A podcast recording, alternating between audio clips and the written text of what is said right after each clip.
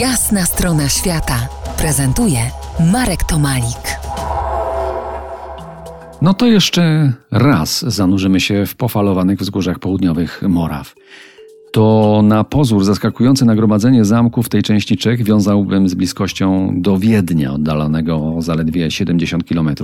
Myślę, że to z Wiednia promieniowała zamożność w wiekach średnich i bardziej współczesnych. Zresztą do I wojny światowej te ziemie były austriackie. No to jeszcze na deser jedno miasteczko, w zasadzie miasto, bo już 30-tysięczne, oczywiście z górującym ponad zamkiem, Znojmo. Bardzo pięknie wjeżdża się do miasteczka dość ostrą serpentyną, gdzie co drugi zakręt widać zamek na sąsiednim wzgórzu. Nasz cel.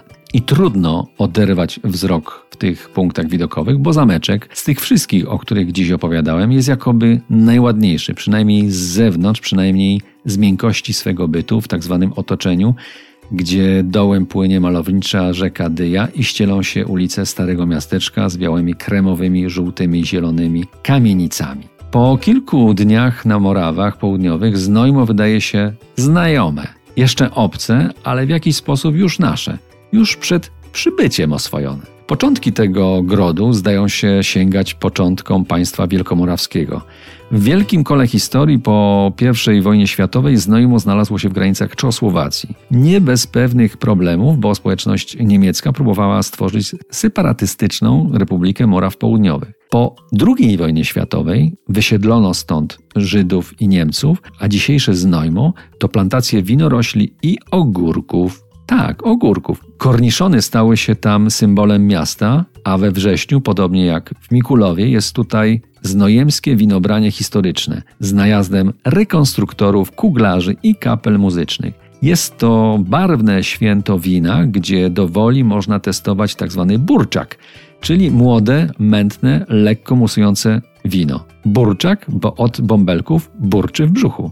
Bardzo dobrze o tych terenach południowych Moraw opowiada zabawny czeski film fabularny pod tytułem Bobule. U nas ten tytuł brzmi Młode wino. Fabuła toczy się wśród pofalowanych wzgórz zabytków regionu. Jego miasteczek, o których dziś opowiadałem, to jest Mikulowa, Waltic i oczywiście otaczających ich winnic. Film był w Czechach tak popularny, że doczekał się sequela, który nazywa się Dwa Młode Wina bezpretensjonalne czeskie kino, klarowne i kręcące jak dobre wino. Jeśli nie byliście w południowych winnych Morawach, to czas o tym pomyśleć. Ciepłą podpowiedzią będzie wspomniany wcześniej film. Żywię nadzieję, że do września podróż tam będzie możliwa, do czego namawiam Was i siebie samego, bo fajnie jest wracać w oswojone krainy.